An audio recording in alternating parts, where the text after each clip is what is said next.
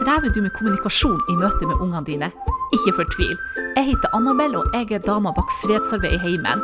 På denne podden skal du få lære å bli bevisst at den viktigste rollen du har, det er å være en leder for dine unger. Og jeg skal hjelpe deg å løse hverdagsutfordringer som dukker opp i familien.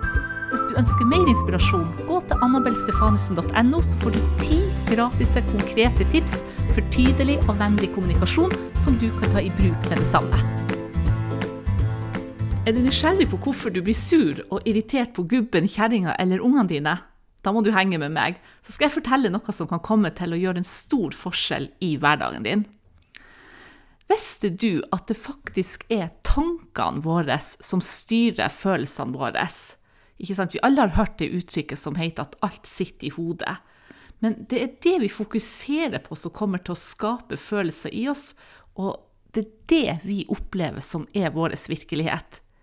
Du har sikkert gjort det samme som meg, gått i den fella og sagt til, eh, sagt til La oss nå si, nå snakker jeg til dere damer, sier jeg sjøl, dame, at du har sagt til gubben din Herregud, hvor du irriterer meg. Eh, jeg holder på å bli gal av at du aldri kan sette koppene inn i oppvaskmaskinen. Eller hvorfor går det ikke an å bære det gymtøyet ut på badet? Du kjenner det sikkert igjen at du har sagt det. Du irriterer meg så steike.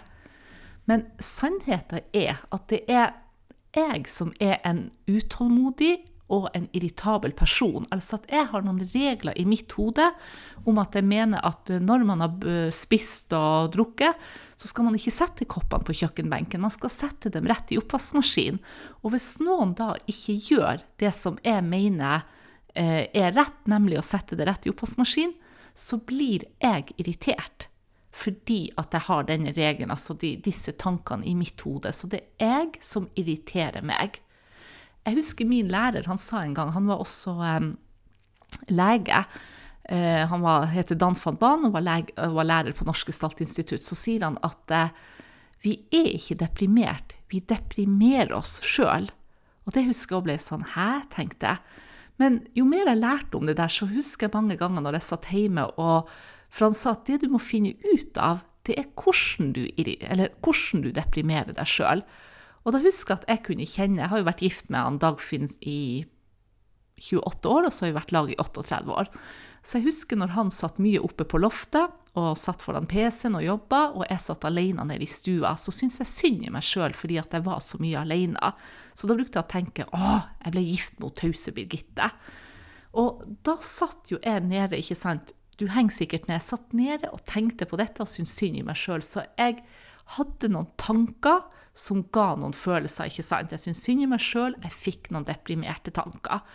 Eller at jeg blir irritert på at de andre ikke gjør sånn som jeg tenker de burde gjøre. At jeg var veldig pertentlig. Nå er jeg ikke fullt så pertentlig lenger, derfor er jeg faktisk mindre irritert nå når også ungene flytta hjemmefra. Men jeg var veldig pertentlig når ungene var små. Og eh, hvis de ikke rydda opp, eller hvis de hadde venner på besøk og det flaut med leker overalt, så ikke sant, i mitt hode så tenkte jeg åh, jeg trives ikke når det er så rotete, går det ikke an, og må de ha leker over på alle rom, f.eks. Men Satan Dagfinn han ble aldri irritert på det, for han hadde, i hans hode så hadde han tanker som sa ja, men herregud, de er noen unger, og hva gjør det, vi kan jo liksom plukke det opp etterpå. Så i og med at han ikke hadde tanker om at det ikke skulle være på denne måten, så skapte det heller ikke noen sånn frustrerte følelser i han.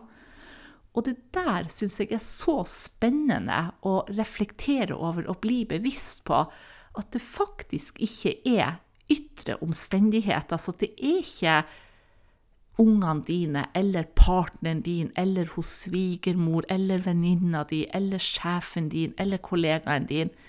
Det har ingenting med dem der ute, hvordan du føler deg. Det har med ditt eget tankesett og hva du fokuserer på i øyeblikket. Så jeg bruker å tenke at tankene våre er Du kan sammenligne dem uh, en del med været, for de er liksom flyktige. Så ikke sant, noen ganger så har vi tåke Eller tenk deg at det er tåke ute, da. Og da ser du mer uklart. ikke sant? Og når vi har tåke i hodet, ikke sant, en, på en måte en sånn tankestøy, så vil du oppleve en situasjon og mye mer uklar. Og da bruker jeg å si at det er ikke da du skal ta opp ting.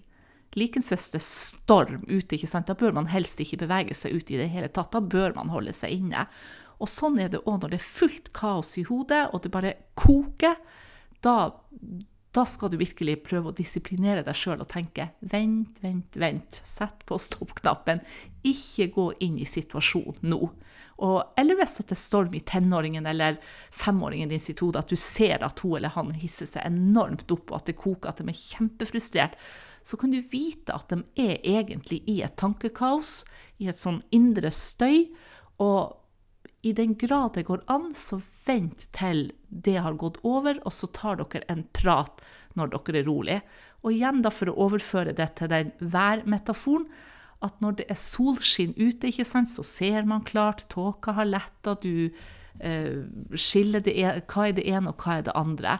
Og Sånn er det for deg også, at når du har ro i ditt hode, så klarer du å, å sortere hva som er hva. Eh, er? Da kan det hende at når du, at når du har denne roen, ikke sant, at La oss si du kommer hjem fra jobb, og så hadde dere blitt enige om at de skulle sette på potetene, og så har de ikke gjort det. Og når du er i en rolig tilstand i deg sjøl, så kan det hende at du bare tenker ja, OK, da har de glemt det, så får jeg bare hive over potetene.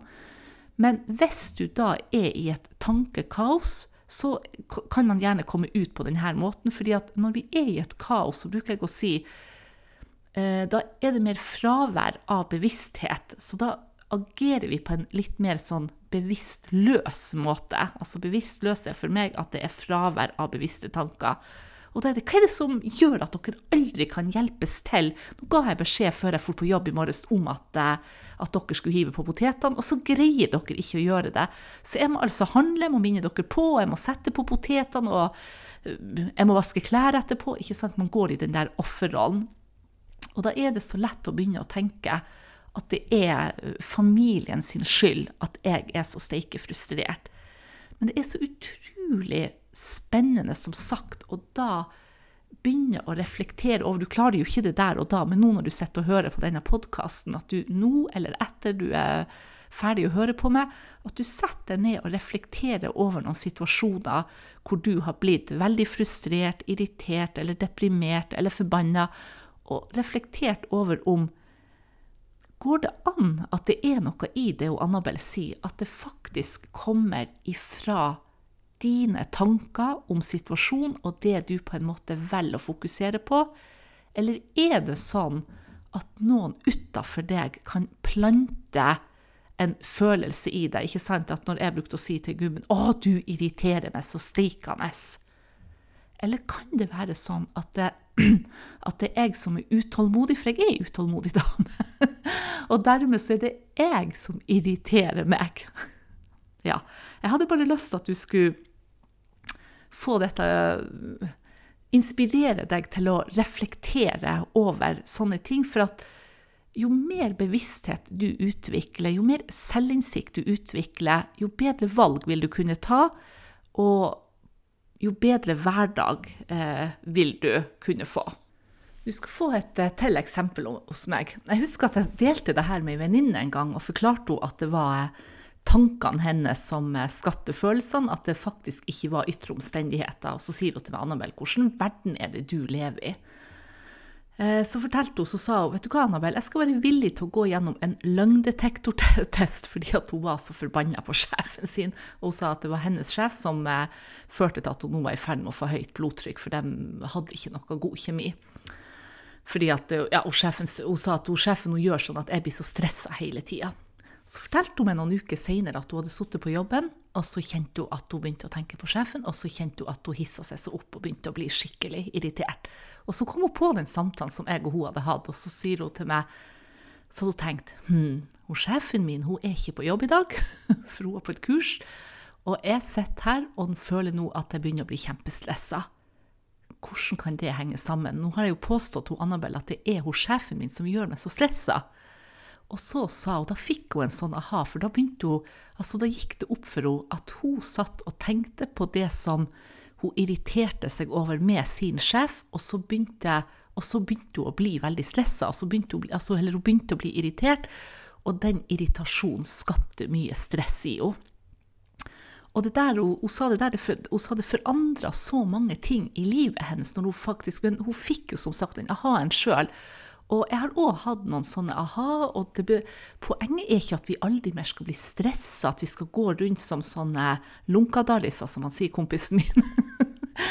så det er ikke det som er poenget, at uh, herifra og ut så vil du aldri mer bli sur, frustrert eller stressa. Det kommer vi til å fortsette å være. Men det som er så hensiktsmessig, det er hvis vi lærer oss å ta ansvar for våre egne følelser. Bare vite at jeg er Altså, jeg tenker på et eller annet nå. Jeg kom plutselig bare til å tenke på noe, eller jeg sitter og grubler på noe, og så utløser det en følelse i meg. Eh, jeg har noen forventninger som ikke gubben min kan oppfylle, eller ungene mine kan oppfylle. Og så blir jeg enten lei meg eller frustrert. Ikke sant at det skjer inni hodet. Og jeg kjenner det jo så utrolig godt igjen, altså, eller jeg ser så den forskjellen på meg og min mann. For jeg har brukt å fleipe meg og sagt at han er så rolig at det eneste han reagerer på, det er strøm. Så jeg ser at han har ikke de forventningene til omgivelsene eller til meg eller til ungene som jeg har til han og ungene. Og dermed så kan du si, så er det mye mer sånn stille i hans hode, mens på, i mitt hode så, um, så, er det mye mer variert vær. Så kan si Han bor mer på solkysten, for å ta den der værmetaforen, hvor det er et, uh, et mer jevnt vær, mens at jeg bor bokstavelig talt i Nord-Norge, hvor det er sommer og oppholdsvær, og så kan det være regn og blåst, og så kan det være den stormen på vinteren. ikke sant? At det er mye mer variasjon. Og det betyr ikke at han er rett og at jeg er feil, og det gjør det ikke med deg heller, ikke sant? Det er ikke, det er ikke det dette er snakk om. Det er ikke snakk om at vi er rett eller feil, og det er ikke snakk om at, eh, at du ikke skal kunne tillate deg heller å være frustrert, men det er snakk om å bli bevisst at følelsene dine de kommer ifra dine egne tanker, de kommer ikke fra ungene dine.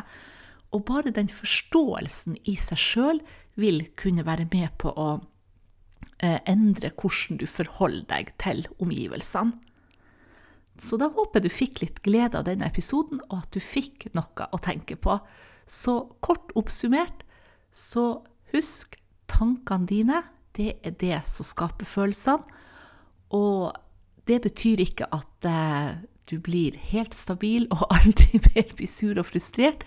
Det betyr bare at vi alle sammen, altså tanker kommer og går, akkurat på samme måte som at vær hele tida er i forandring.